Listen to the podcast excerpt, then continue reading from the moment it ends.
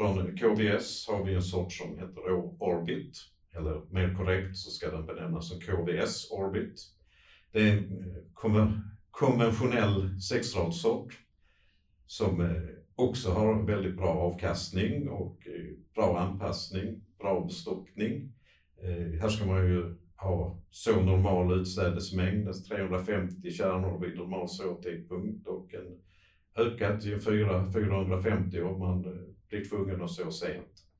Orbit avkastar lite sämre än hybridsorterna men den avkastar de officiella försöken mellan 101 och 103 procent beroende om man har behandlat eller obehandlade led.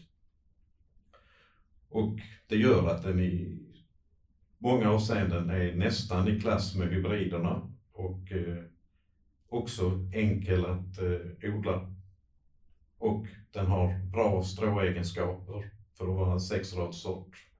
Så att, som sagt, enkel att odla.